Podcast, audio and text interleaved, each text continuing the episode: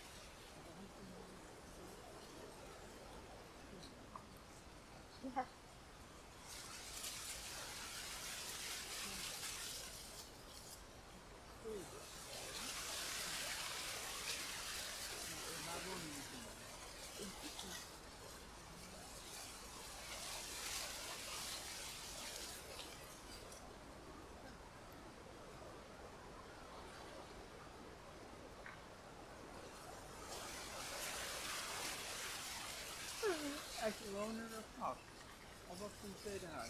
Nej, samma.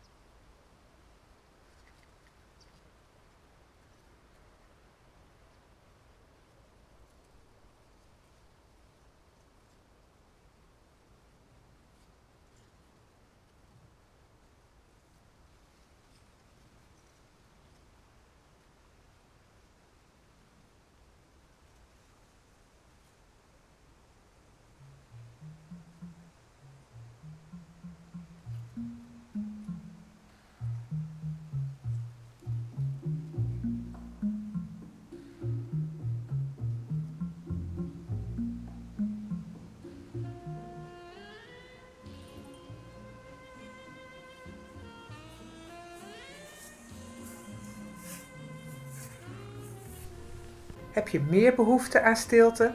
Er vallen nog veel meer unieke stiltes te beluisteren. Laat me je bijvoorbeeld meenemen naar de stilte van het vliegveld Schiphol, of van een trappistenklooster, of de stiltecoupé. Daarnaast vind je in deze podcast van Lekker Stil bijzondere verhalen over stiltelaboratoria, zoektochten, het ritme van stilte en de pracht van de ochtendstilte. Verrassend hoe stilte mensen kan verrijken. Je vindt het allemaal in deze podcast-app. Veel plezier!